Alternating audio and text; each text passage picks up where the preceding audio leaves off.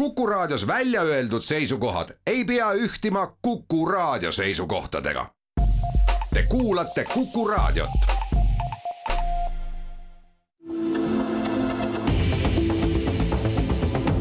kahevahel. kahevahel. tere igareedene vestlussaade Kahe vahel alustab ajakirjanike Timo Tarve ja Ainar Ruussaare vahel on täna erakonna Eesti kakssada esimees Lauri Hussar, pika ajakirjaniku kogemusega mees, kes on olnud ka Postimehe peatoimetaja, tere Lauri! tere, hea Kuku raadio kuulaja! Lauri, homme saab kaks nädalat päevast, kui sind valiti ja me oleme kõik sina peal, kuivõrd tunneme üksteist väga hästi, me ei hakka siin just. kunstlikke tõkkeid ette seadma. kaks nädalat päevast, kui sind valiti erakonna Eesti kakssada esimeheks ähm,. jaanuaris sai kolm aastat sellest, kui sa loobusid ootamatult paljudele Postimehe peatoimetaja tiitlist ja ametist ja astusid poliitikasse millalgi järgmisel aastal saab viiskümmend aastat sinu sünnist Võrus, millalgi on kakskümmend kaheksa aastat saamas mööda sellest, kui sa taastasid korporatsiooni Arminia Torpatensis. sul on kolm last, ühesõnaga ma kuskil katsun rihtida sinnapoole, kas sul ei ole mõnda luukeret või saladust või nimetagem seda kuidas tahes, juhuks kui sinust peaks saama järgmise Riigikogu riigikaitsekomisjoni esimees, et me nüüd ei paljastaks midagi ja paljastame kohe ära selles mõttes. mul on olnud niivõrd palju avalikke ameteid ja, ja Postimehe peatoimetaja amet kindlasti oli üks, üks kõige avalikumaid, et kui mul neid luukeresid oleks olnud, siis oleksid need luukered Rakvered tõenäoliselt juba selleks, selleks ajaks leitud, nii et äh, suurim skandaal jääb siis ikkagi märtsikuusse kaks tuhat kaheksateist, kui ilmus Postimehe infograafika, mis pani muust rahvusest kõnelevad inimesed sirbi ja vasara alla. jah, see oli, toona oli üks üks, üks tööõnnetus, mille me kiiresti ära lahendasime ja mille puhul äh, oli, oli, oli pärast seda, kui selline infograafika ka ilmus, äh, oli, oli toonase peatoimetaja reaktsioon oli väga kiire, ehk siis see oli näide sellest, kuidas kiire kommunikatsioon päästab päeva ja me üritasime seda, seda olukorda lahendada, aga see oli lihtsalt tööõnnetus, mis juhtus. see ei ole mitte midagi sellist, mille puhul keegi ei oleks midagi teadlikult teinud, lihtsalt ühel hetkel pandi, pandi mingisugune pilt paika ja unustati see sinna. kiidame ühesõnaga selle reageerimise ja tõesti avaliku vabanduse eest, sellest on tänapäeval väga puudu ja vajaka. Lauri, nüüd sa oled pikk pikka aega juba, võib öelda pikka aega või mõnda aega olnud poliitikas. enne valimisi, kui kampaania käib, siis otsitakse vastaste kohta igasugust komprat kuidas see otsimine käib, kust, kust seda leitakse, kuidas see? seda ma ei oska öelda, kus, kus see kompra, kompra otsimine käib, et meie tegeleme täna meeskonna koostamisega, meie paneme kokku programmi. vanad Riigikogu erakonnad tõenäoliselt tegelevad siis ühel hetkel jah, tõenäoliselt sellega, mille, mida sa kirjeldasid, aga aga minu päevad on täna küll nii tööd täis, et ma, mul ei ole aega teistega väga palju tegeleda, me tegeleme Eesti kahesaja äh, tugevdamisega selleks, et minna võimalikult löögivõimelisena järgmistele valimistele. aga kui mina tulen, äh, tulen sinu sinu juurde, Lauri, kui erakonna esimehe juurde ja ütlen, et kuule, mul on fakt, et üks väga tuntud Riigikogu liige pildistas oma koera kõhu alt, mis sa selle teadmisega peale hakkad? no äh, ma, ma, ma arvan, et, et, et mina kui erakonna esimees ei pea selliste teemadega tegelema, et, et kui juhul, kui kellelgi on äh, on, on küsimusi äh, seoses sellega, et, et mida, mida sellisest pildistamisest arvata, et sellisel juhul äh, tasuks siis kaaluda, et kas sellel, kas see on avaliku huvi objekt ja, ja see inimene peaks, peaks suhtlema vastavalt kas siis, kas siis ajakirjanduse või õiguskaitseorganitega, aga minul on siin nagu suhteliselt vähe teha. Lauri, räägime siis sellest, mis neil päevil on erakonna esimehel käed-jalad tööd täis ja õhtud lõpevad tavaliselt Humalagu ja Sakste kambris, vaadates otsa siis päevale, kuidas on läinud ja mis me siis meeskonnaga oleme täna kõik head korda saatnud. kas te valmistute nüüd pikaks plaaniks või ikkagi konkreetseks Riigikogu valimisteks akuutsete probleemide tulekahjude kustutamiseks, sest pikka plaani praegu vist valijatele juurutada ei ole mõtet? Me valmistume nendeks valimisteks, äh, mille puhul me, me ütleme ka, milline võiks olla siis pikk plaan Eestile, et ma just sirvisin äh, Äh, nädalapäevad tagasi läbi veel ka meie kaks tuhat üheksateist aastaprogrammi ja ma pean ütlema, et, et see programm on ka täna värske. suur osa nendest äh, teemadest, mida me tõstatasime, tänased valitsuserakonnad ei ole nendega tegelenud äh, ja, ja mulle väga meeldis see, mida ütles värskelt meie erakonnaga liitunud ja meie erakonna nimekirjas kandideeriv professor Irja Lutsar teisipäeval ETV saates Uue Faktor, kus ta ütles, et, et ta tuli poliitikasse selleks, et et, et tuua muutust, et mõjutada ja selleks, et mõjutada, selleks on vaja ka, vaja ka võimu, et, et teadlase ja eksperdina saab küll teemadel kaasa rääkida ja saab ettepanekuid teha, aga sa ei saa otsustada. ja ta, ja ta ütles ka, et, et koroonakriis tõi välja väga paljud ühiskonna kitsaskohad, mille lahendamisele ta tahaks ta ka, ka asuda, tahaks asuda, asuda poliitikuna ja see on põhjus, miks ta, miks ta liitus Eesti kahesajaga. Äh, tsiteerin Lauri Hussarit. ilma Eesti kahesajata ei ole enam Eestis võimalik poliitikat teha. mida see tähendab? siiamaani on ju olnud see tähendab seda, et Eesti kakssada on täna sellises positsioonis, et Eesti kahesajal on märkimisväärne toetus, Eesti kahesajal on selline programm, mis, mis ma julgen arvata, et eristub teistest, et ma, ma kuulen muidugi järjest rohkem seda, kuidas teised erakonnad on võtnud kasutusele sõna pikk plaan, et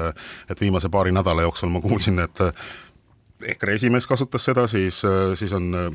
seda kasutanud Reformierakonna esindajad, ehk siis see, see pikk plaan ja vajadus Äh, teha äh, otsuseid, mis vaatavad kaugemale kui nelja-aastane valimistsükkel, et see vajadus on väga selgelt olemas. Ja, ja sellepärast äh,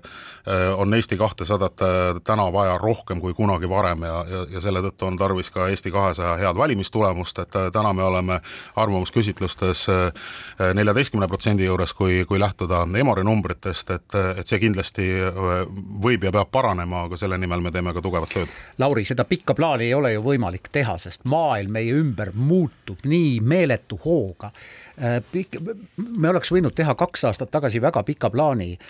aga me ei teadnud, mida teevad energiahinnad, me ei teadnud, kui agressiivseks läheb Venemaa, me ei tea tegelikult, mis on äh, kuu aja pärast. kui me kümme aastat tagasi oleks energeetikas teinud õiged otsused äh, ja, ja mitte jäänud lootma ainult äh, ühendustele, siis oleks meie tänane olukord energeetikas oluliselt parem. Äh, see ongi pikk plaan, et, et toona tegemata jäänud otsused maksavad meile täna väga valusalt kätte ja nüüd me peame kaks korda kiiremini, kolm korda kiiremini, võib-olla ka neli korda kiiremini need otsused ära tegema. aga me peame need otsused ära tegema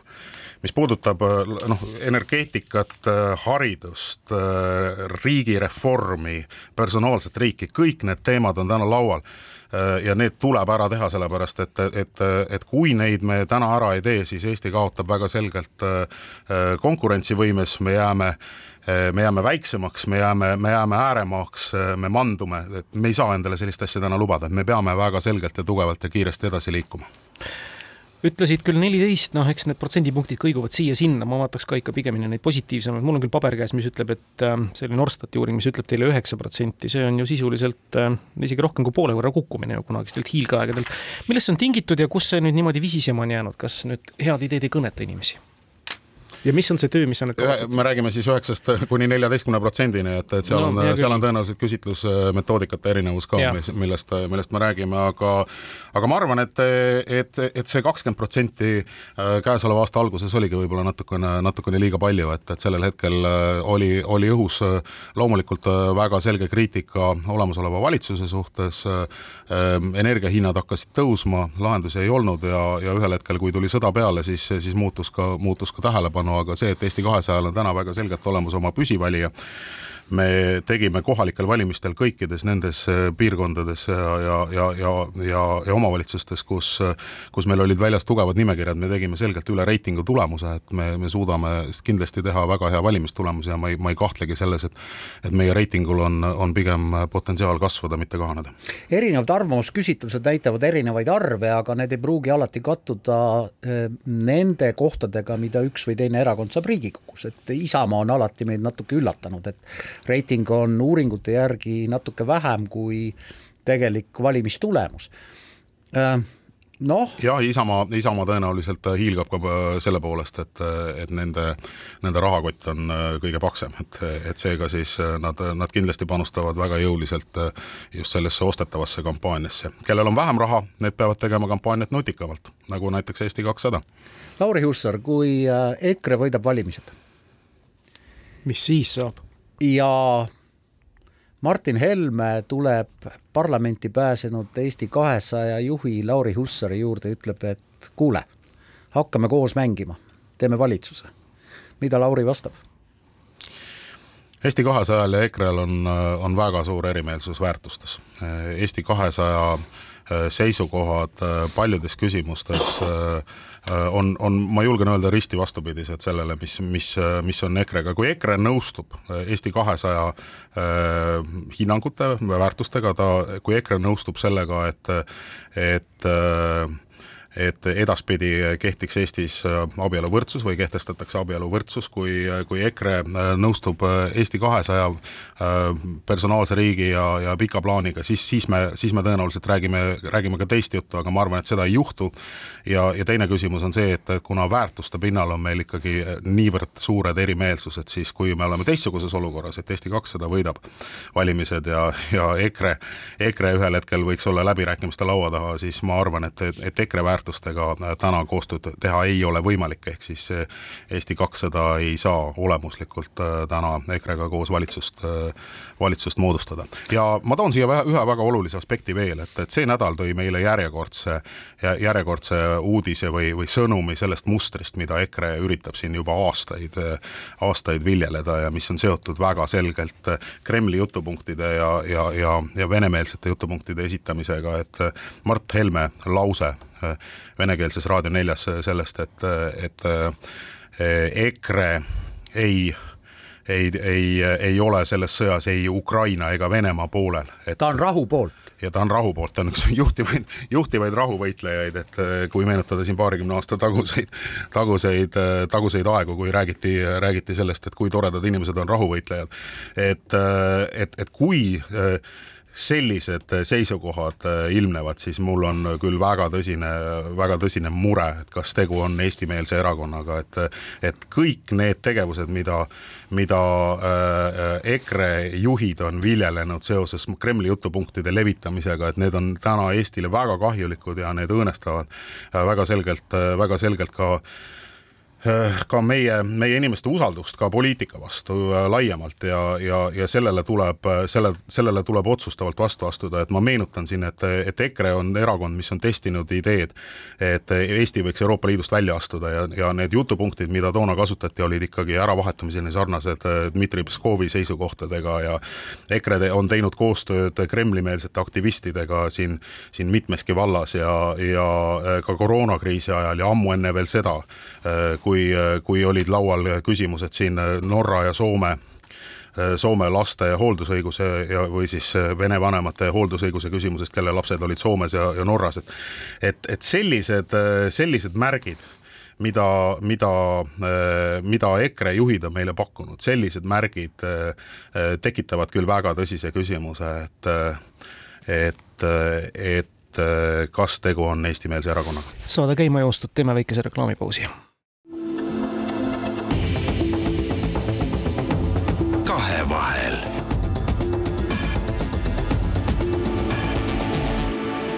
kahevahel ajakirjanikud Timo Tarve ja Ainar Ruussaar jätkamas vestlussaadet Kahevahel ja meie vahel on Kuku raadio otsestuudios Eesti kahesaja esimees Lauri Hussar hea Lauri, räägime nüüd pikast plaanist ja seome selle igati akuutsete tänagi püsti olevate küsimustega. no ma eeldan, et kakskeelsuse küsimus ja mitmerahvuselisuse küsimus on ikkagi Eesti kahesajale väga südamelähedane. erakonna algusaegadest meenub kohe üks märkimisväärne reklaam trammipeatustest aga see selleks. täna või õigemini sel nädalal anti Riigikogus sisse siis nüüd tõepoolest lõpuks ometi eestikeelsele haridusele ülemineku reformi seaduseelnõu. mis on teie seisukoht ja kuidas sina, Lauri, oleksid hääletanud Riigikogus, kui Keskerakond tegi ettepaneku see maha võtta, see üldse menetlusest? Eesti kakssada on erakond, mis on tõstatanud ju ju kõige selgemalt ühtse Eesti kooli, ühtse Eesti, ühtsele eestikeelsele ja Eesti koolile ülemineku idee. Eesti kakssada on, on, ma arvan, esitanud ka kõige põhjalikuma ja, ja selgema kava sellega seoses, kuidas ühtsele Eestile, Eesti koolile üle minna loomulikult Eesti kakssada toetab äh,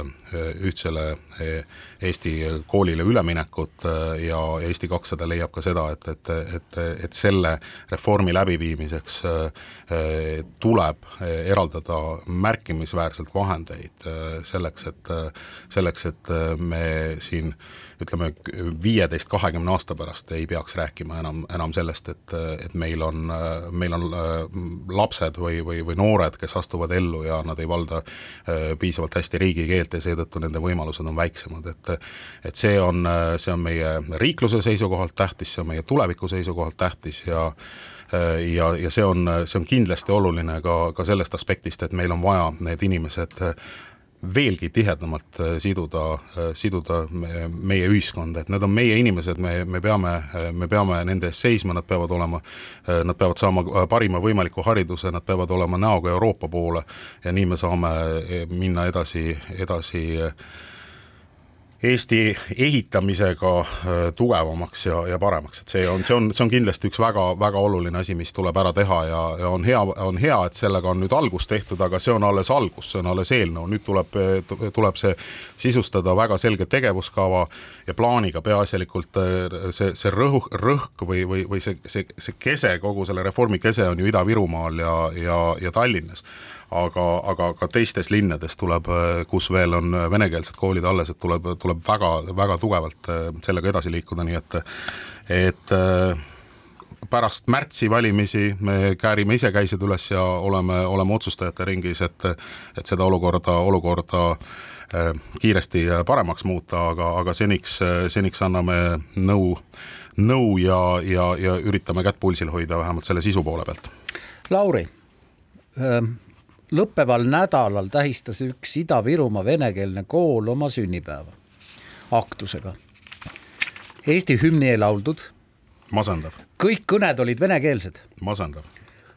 mida sina, mina, Timo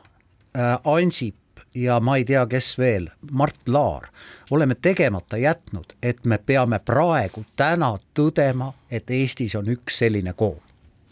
Neid on rohkem ma tean, mida sina oled teinud, Ainer, ma tean, mida mina olen teinud ja me oleme avaldanud äh, sellel, äh, sellel, sellel teemal väga suurt survet, äh, avalikkusele survet ja oleme oma aastakümnete jooksul oma ajakirjanduslikus karjääris rääkinud sellest, et me peame edasi liikuma. isegi Läti on siin suutnud aastaid tagasi langetada olulisi otsuseid, mille Eesti poliitikud on tegemata jätnud, et, et kindlasti võiks ju, võiks ju täna ka teha analüüsi, et miks meil on nii kaua aega võtnud äh, eestikeelsele koolile ülemineku, üleminekureformiga, et äh, kolmkümmend aastat on meil olnud aega seda teha ja me ei ole teinud. et, et see on, see on kindlasti Äh, tõsine mõtlemise koht ka, ka tänastele, ka tänastele Riigikogu erakondadele, et miks nad ei ole varem äh, suutnud seda, seda läbi viia, et tõenäoliselt ongi põhjus olnud peaasjalikult äh,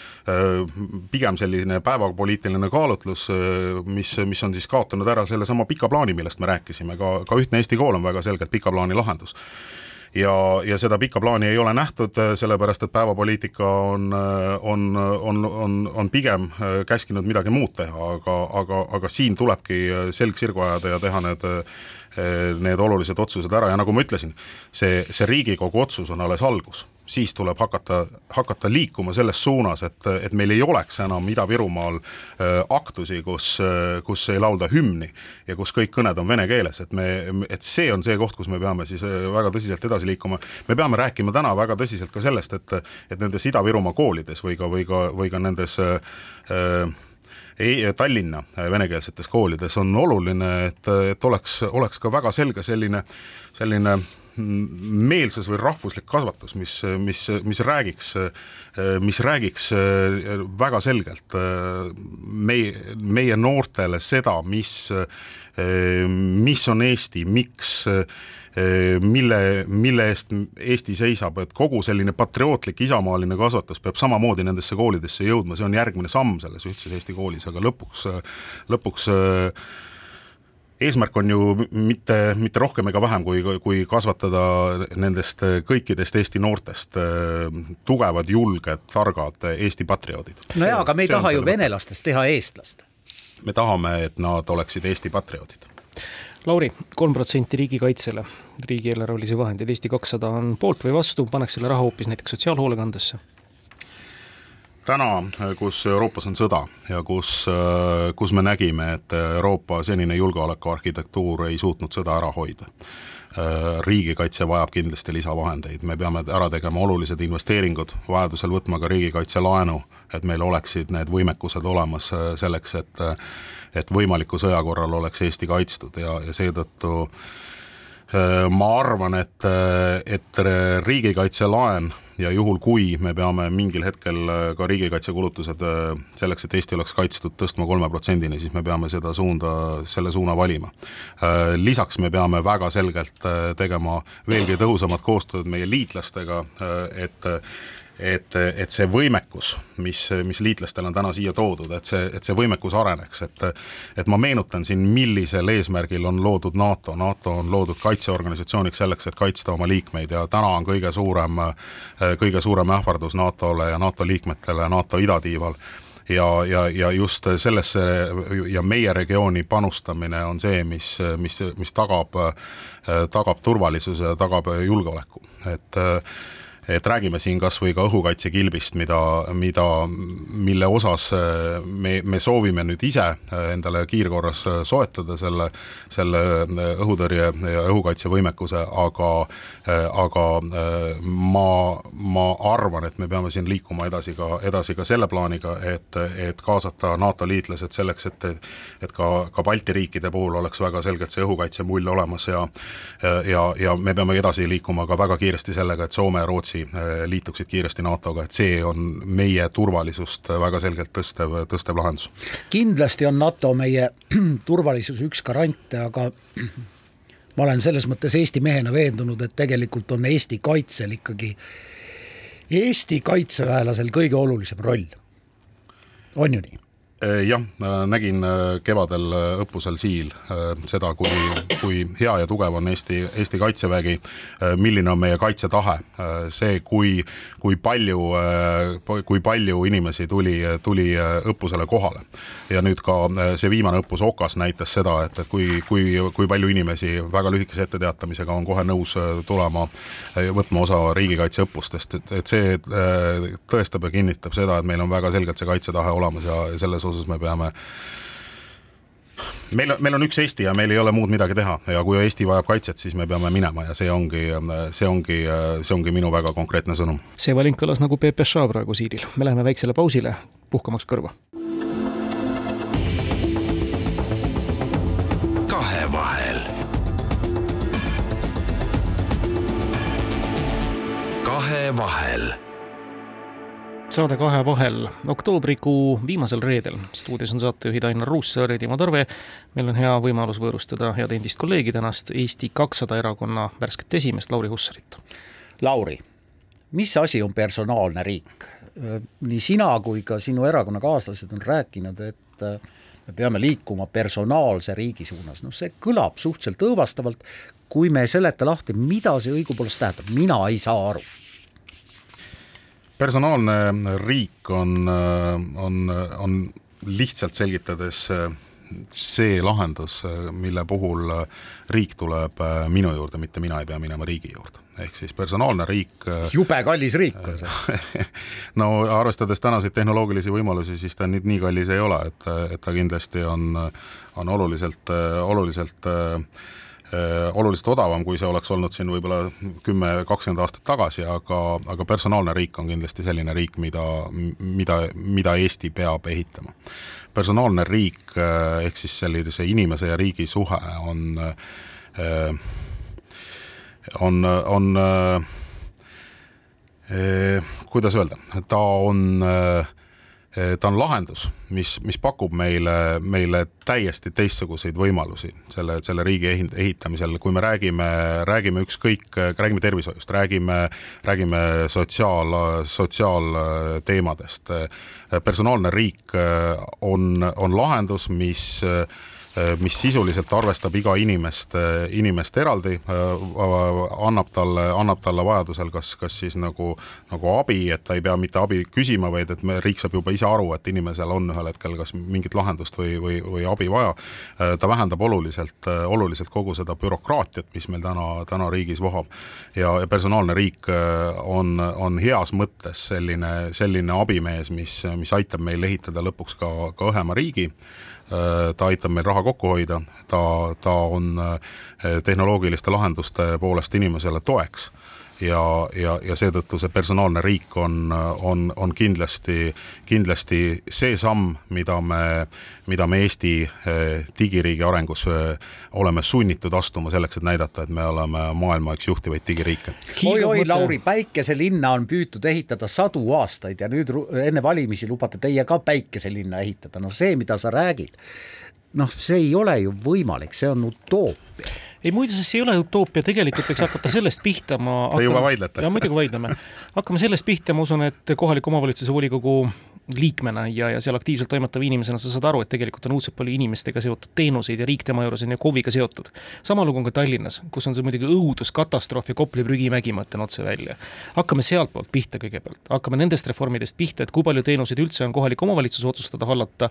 toetada või siis, mis on tõesti riigi ülesanne, ainult seda, pensioni maksta või, või, või kaitse. seda tuleb, seda tuleb kõike teha ka koostöös riigireformiga, et, et on täiesti selge, et, et me peame vaatama üle ka riigi funktsioonid, vaatama üle, kuidas, kuidas riik teenuseid osutab, kui palju on võimalik äh, ka tehniliste lahendustega äh, ka äh, edasi viia ja nii edasi, kõik need asjad on, kõik need asjad on laual ja, ja nendega tuleb tegeleda, aga ma meenutaksin ühte, ühte, ühte väga olulist, olulist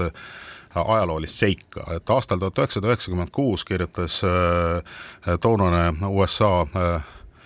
Eesti suursaadik USA-s Toomas Hendrik Ilves kirjutas artikli mis ta siis oli, IT-tiigrist või, või sellest, kuidas me, kuidas me peame tiigrihüppe äh, läbi viima ja, ja kuidas me peame astuma just äh, digitaliseerimise varras ja, ja, ja, ja, ja selle ja, ja ütleme, arvutitega äh, seonduvas peame astuma uue sammu. Ja aastal kaks tuhat viisteist kirjutas Nortali ja, ja tänase Äh, 呃 jah, kunagise veebmeedia ja tänase Nortali asutaja Priit Alamäe kirjutas artikli perso personaalsest riigist ja, ja ma arvan, et ma arvan, et need, need mõlemad artiklid on märgilised, et, et see IT-tiiger äh, lendas vahepeal päris hästi, ta oli, ta oli, ta oli pikalt, oli ikkagi väga kõrgelt õhus, äh, siis ta vahepeal maandus, üritas uuesti hüpata, aga nüüd meil oleks vaja sellele tiigrile uus uus hoog sisse anda ja personaalne riik on kindlasti see. leidke sellele tiigrile talitajad kõigepealt inimeste seda. näol selleks ongi vaja valida Eesti kakssada, et oleks võimalik seda, seda no,, seda tiigrit natukene, natukene turgutada ja, ja siis uuesti hüppama panna, et, et nii lihtne see ongi. Lauri, mul läheb süda pahaks, kui ma kuulen, kui mõni poliitik erinevatest erakondadest kasutab sõna riigireform. kunagi äh, mitu tuntud advokaati tulid selle ideega välja ja see idee suri ära, mis asi on riigireform? Kuidas me seda riiki reformima hakkame, millest me peale peame hakkama? ja kes peale hakkab, me ei ole seda suutnud teha täpselt samamoodi, nagu ei ole suutnud eestikeelset haridust ära teha no eestikeelse hariduse osas siis me, me, me näeme, et, et esimene lugemine on juba läbitud ja, ja li, li, kindlasti liigutakse edasi, aga aga äh, riigireform äh, minu hinnangul täna peaks küll keskenduma ka sellele, et kuidas meie ministeeriumid, ametkonnad teeksid ka omavahel tihedamat koostööd, kuidas see kõik toimiks efektiivsemalt, et et see kahekümnenda sajandi lahendus, kus iga, iga ministeerium lahendab oma valdkonda täiesti iseseisvalt ja sõltumatult teistest, me ei leia, me ei leia lahendusi ja, ja kiireid lahendusi edaspidise jaoks, et see on Äh, see on, äh, see on väga tõsine probleem ja sellega tuleb tegeleda, ma toon ühe näite, et, et me oleme suutnud ka mingitel hetkedel äh, oluliselt paremini ja efektiivsemalt toimida, et, et siin veel kuskil kuus, seitse, kaheksa aastat tagasi oli Riigikantselei juures näiteks selline üksus, mis, mis tegeles põhiliselt või, või, või, või mitte üksus, vaid üks, üks selline, selline koostöö, koostöövorm tegeles peaasjalikult sellega, et kuidas,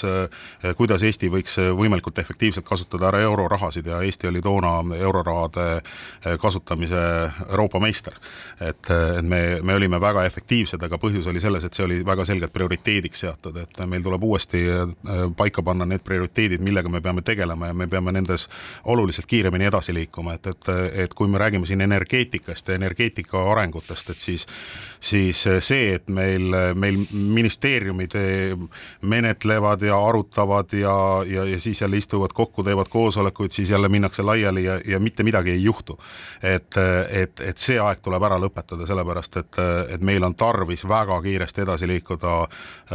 näiteks taastuvenergia lahenduste, lahenduste arendamisega tuuleparkide rajamisega, et, et see vana viis, kuidas, kuidas Eesti riik toimetas, et see, see täna enam ei tööta, et meil on vaja siin Äh, oluliselt rohkem, äh, oluliselt rohkem pingutada selleks, et, et need me, need, need planeeringud, mis puudutavad äh, tuuleparkide ehitamist, et need oleksid kiiresti menetletud, et, et saaks asuda asja kallale ja saaks hakata neid tuuleparke ehitama. Me jõudsime nüüd otsaga ka energeetikasse, aga me, see on täna, see on täna üks meie kõige akuutsemaid ja, probleeme no ja, ja see nõuab no väga kiiret lahendust, aga seesama, seesama, seesama küsimus on ju üleval, et, et kuidas Äh, kuidas äh, energeetika äh, probleemid oleksid võimalikult kiiresti ja efektiivselt lahendatud. Ja täna selline klassikaline nii-öelda silotornis asja marineerimine, noh, see ei anna meile, see ei anna meile soovitud lahendust. no ja Lauri, kõik on õige, kõik on väga tore, aga, aga kui ähm, keegi sinu poolt kirjeldatud ministeeriumi ametnik, kes tuleb sinu juurde ja ütleb, et just sinu maja taga,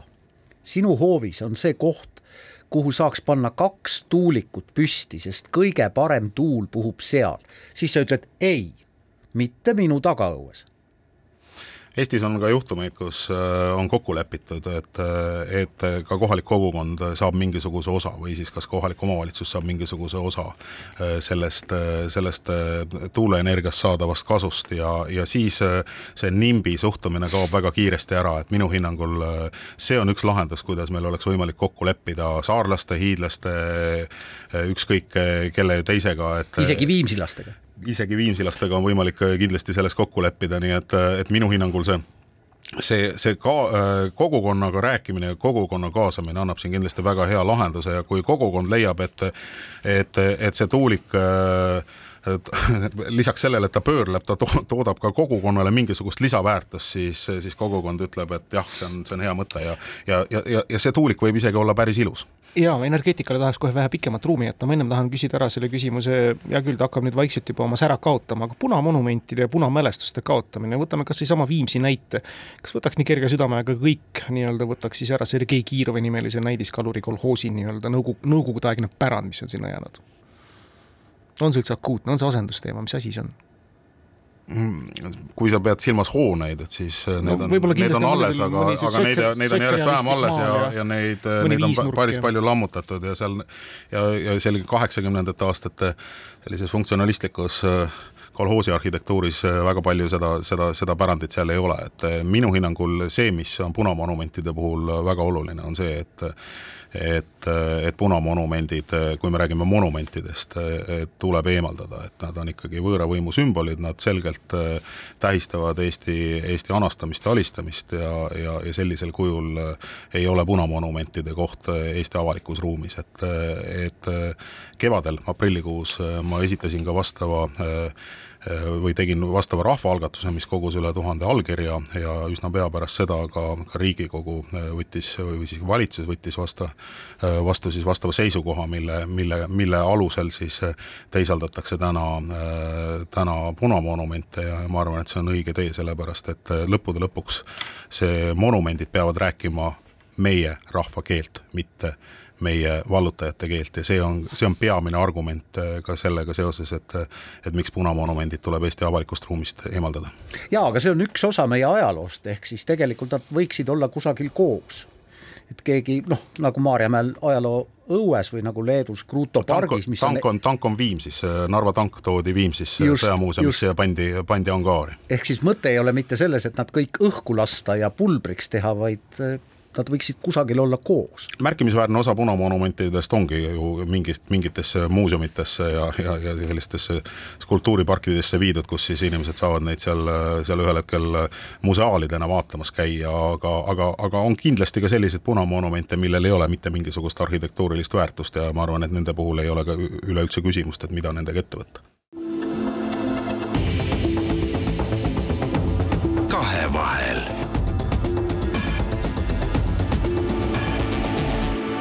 kahevahel. vestlussaade Kahe vahel jätkamas viimast veerandit ja ajakirjanike Timo Tarve ja Ainar Ruussaare vahel on endine pikaaegne ajakirjanik ja praegu Eesti kakssada esimees Lauri Hussar Lauri, jah. rõõmustav päikeseline uudis, kõige odavam energia on roheenergia ja selle hind on kuus senti kilovatt-tund, see pärineb kahekümne esimesest oktoobrist kaks tuhat kaks. kena ilusa pildiga ka välja joonitud Eesti kahesajal lehekülje pealt. Lauri, pikk plaan ja perspektiiv, mille üle on siin arutletud viisteist pluss aastat, on ikkagi tuumaenergia ja no ma usun, et keegi ei vaidle vastu sellele, et soodne energia on väga tore, hea, lobistid käivad ka. aga kus me ta paneme, kui toome näiteks Viimsi valla näite, seal on ju pinda tegelikult küll, Kelvingi Rohuneeme vahel on ilus, noh, vesi peab ju lähedal olema, Gräzuli Kumbli, Aegnal oleks ruumi, noh, looduskaitselised piirangud ja neist saab ruumi, me räägime Viimsi valla territooriumist ah,. Okay. oleksid vallavolikogu aseesimehega nõus? täna on, on Viimsi vallas äh, ka äh, ka, ka, ka saared ju no, tuulikuteta katma, tuulikutega katmata ja, ja, ja kui mõelda sellele, et, et meil on Prangli saar, kus elektrit toodetakse diiselgeneraatoritega, et siis siis äh, ma usun, et äh, taastuvenergia lahendused äh, energiasalvestus akudesse ja, ja, ja tuule ja, ja, ja elektrituulikud, et see oleks, see oleks kõige parem lahendus sellele saarele ja, ja see, see ja siin tuleks kiiresti edasi liikuda, sellepärast et, et ega see ega see diiselgeneraatoritega elektri tootmine odav lõbu ei ole. kusjuures tuumaelekt-, tuumaelektrijaam lahendaks ju noh, väga suure probleemi ära. Eesti tulevik on, on kindlasti tuuleenergias, sellepärast et, et et kuus senti äh, elektri äh, hind äh, ühe, ühe kilovatt-tunni eest, see on tuuleenergia õiglane hind, selle on toonud välja kõik tuule, suuremad tuuleenergia ettevõtjad, see, see on, see on lahendus, millega nad suudaksid rajada tuulepargid, seal, seal oleks juba sees väga selge kasum ja, ja ta oleks pikas perspektiivis selline hind, mis, mis on, mis on realistlik. mina olen väga põhjalikult läbi töötanud ettevõtjate ettevõtjatega koostöös loodud Rohetiigri energiateekaardi ja, ja, ja, ja see on nüüd üks kõige põhjalikum dokument, mis on Eesti energiamajanduse tulevikust koostatud ja seal on väga selgelt pandud rõhk just suurtele tuuleparkidele ja, ja selle arvestusega, et Eesti muutuks juba aastal kaks tuhat kolmkümmend elektrit eksportivaks riigiks. Ja, ja see on, see on meie võimalus suurte tuuleparkide toel muutuda elektrit ekspordivaks riigiks, millel on siis loomulikult olemas ka kõik vajalikud reservvõimsused, aga reservvõimsused ei pea olema, ei pea olema nii-öelda kogu selles mahus, mis meil on olemas, vaid ikkagi tuulepargid on need, mis, mis ühel hetkel eh, toodavad, toodavad selle, selle, selle suure, suure koguse energiat meie jaoks, mida on meil siis võimalik ka, ka meie lähinaabritele kõikidele eksportida, et et see on meie võimalus, see on meie, see on meie tulevik ja, ja ma ei ole näinud paremat plaani. kui tulevikus on olemas äh, äh, tuumajaam, mis äh, mida, mida on nimetatud siis neljanda generatsiooni tuumajaamaks, mille puhul äh, ta on, ta on väike, kompaktne, efektiivne, siis loomulikult äh, ka see tuumajaam äh, peaks väga hästi sobima sellesse Rohetiigri energiateekaarti, aga, aga tuumajaam ei ole kindlasti see, mis lahendab ära kogu Eesti elektritootmise probleemi, et, et meie, meie selline suur küsimus on ikkagi, ikkagi seotud sellega, et kuidas me võimalikult kiiresti suudaksime need suured tuulepargid püstitada. Ja eelmisel nädalal vaatasin, vaatasin ühte põhjalikku lugu Aktuaalsest Kaamerast, kus, kus ka Enefit Poweri juht Andres Vainola ütles, et, et kõige kiirem ja efektiivsem lahendus täna on, on jõuline panustamine taastuvenergia lahendustesse ja, ja tuulepargid seda kindlasti on. ja mis see pikk plaan ette näeb, siis Narva elektrijaamad kinni, tuhanded kaevurid tööta või on nende jaoks ka midagi välja mõeldud? pikk plaan näeb kõigepealt ette seda, et tuleb hästi kiiresti edasi liikuda tuuleparkide rajamisega, selleks et meil uh, -huh. meil ühel hetkel tekiks piisav energiatootmisvõime, võimekus põlevkivielekter peab kindlasti, kindlasti põlevkivielektril on veel mõnda aega koht ka meie elektritootmisportfellis, aga pikas perspektiivis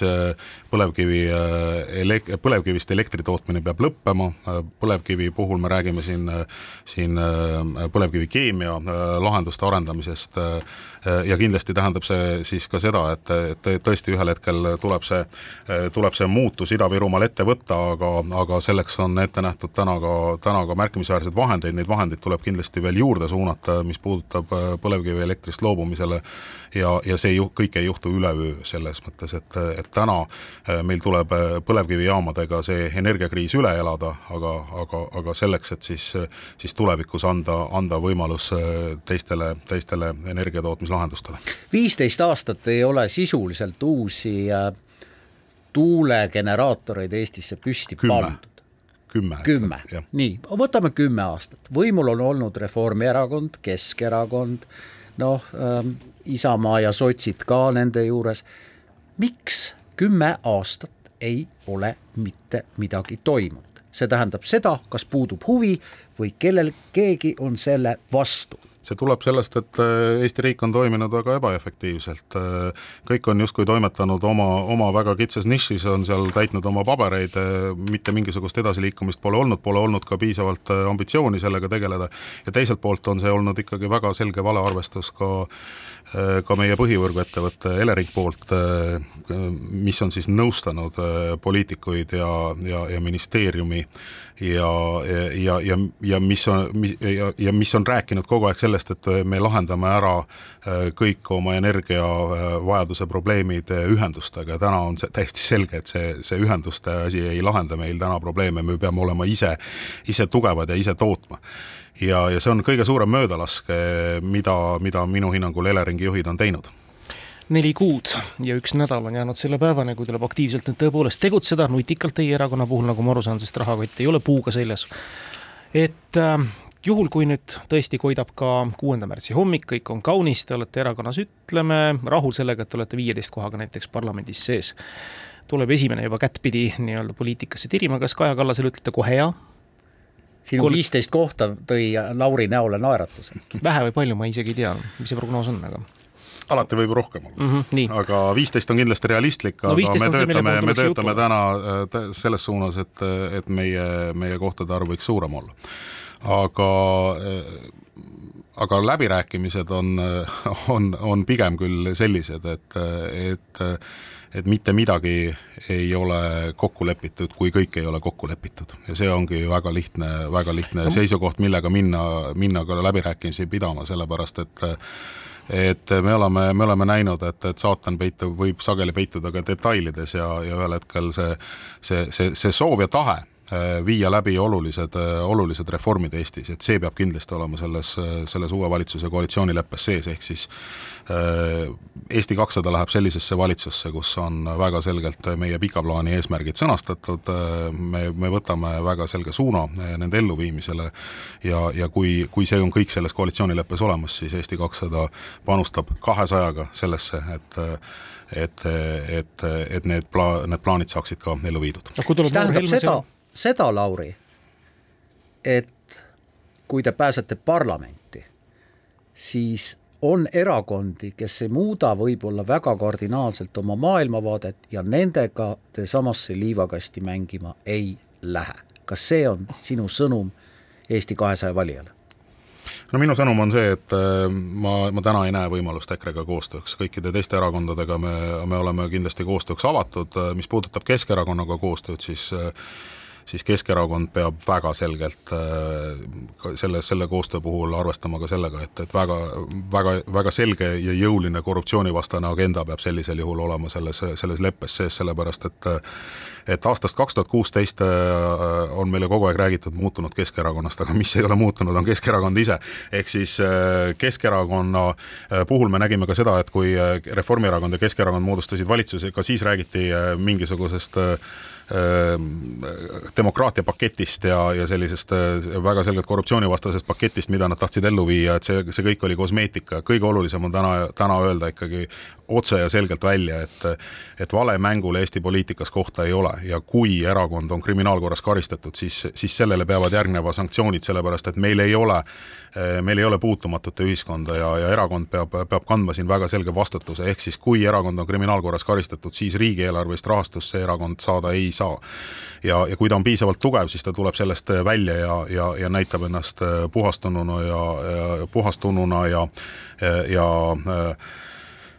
ja sellena ta on õppimisvõimeline, aga, aga, aga täna me, meil, me ei näe mitte mingisugust muutust ja, ja, ja see olukord äh, tuleb ära muuta. vabandust, saate lõpetuseks üks praktiline küsimus, üks raadiokuulaja Rohuneemist kirjutab ja küsib päris murelikult, kas tal on mõtet üldse kasvuhoonesse tuleval kevadel tomateid panna, ta kardab nimelt, et ei jagu tulevaks suveks talle vett. Viimsi valla veeprobleem Viimsi valla eh, veeprobleem on, on, on seotud pigem eh, küll ühe, ühe teise teemaga, see on seotud uusarendustega ja sellega, et, et kui et palju, kui palju meil on veeressurssi eh, tulevaste arenduste tarvis ja see on ka üks põhjus, miks Viimsi vald on väga selgelt ka kinnisvaraarendustele pidurit tõmmanud. ja, ja, ja võimalik, et me siin lähiajal hakkame tühistama ka, ka mõningaid detailplaneeringuid, aga selle, selle, selle proua hingerahustuseks ma küll ütlen, et, et, et tema saab oma, oma vett tarbida ka edaspidi nii, nagu ta on siiani pangu tomatid maha, aitäh, Lauri Hussar, täna stuudiosse tulemast, edu, jõudu sulle! Timo Tarve ja Ainar Ruussaar tänavad, et kuulasite Kahe vahel taas järgmisel reedel kell kaksteist. kahevahel. Kahevahel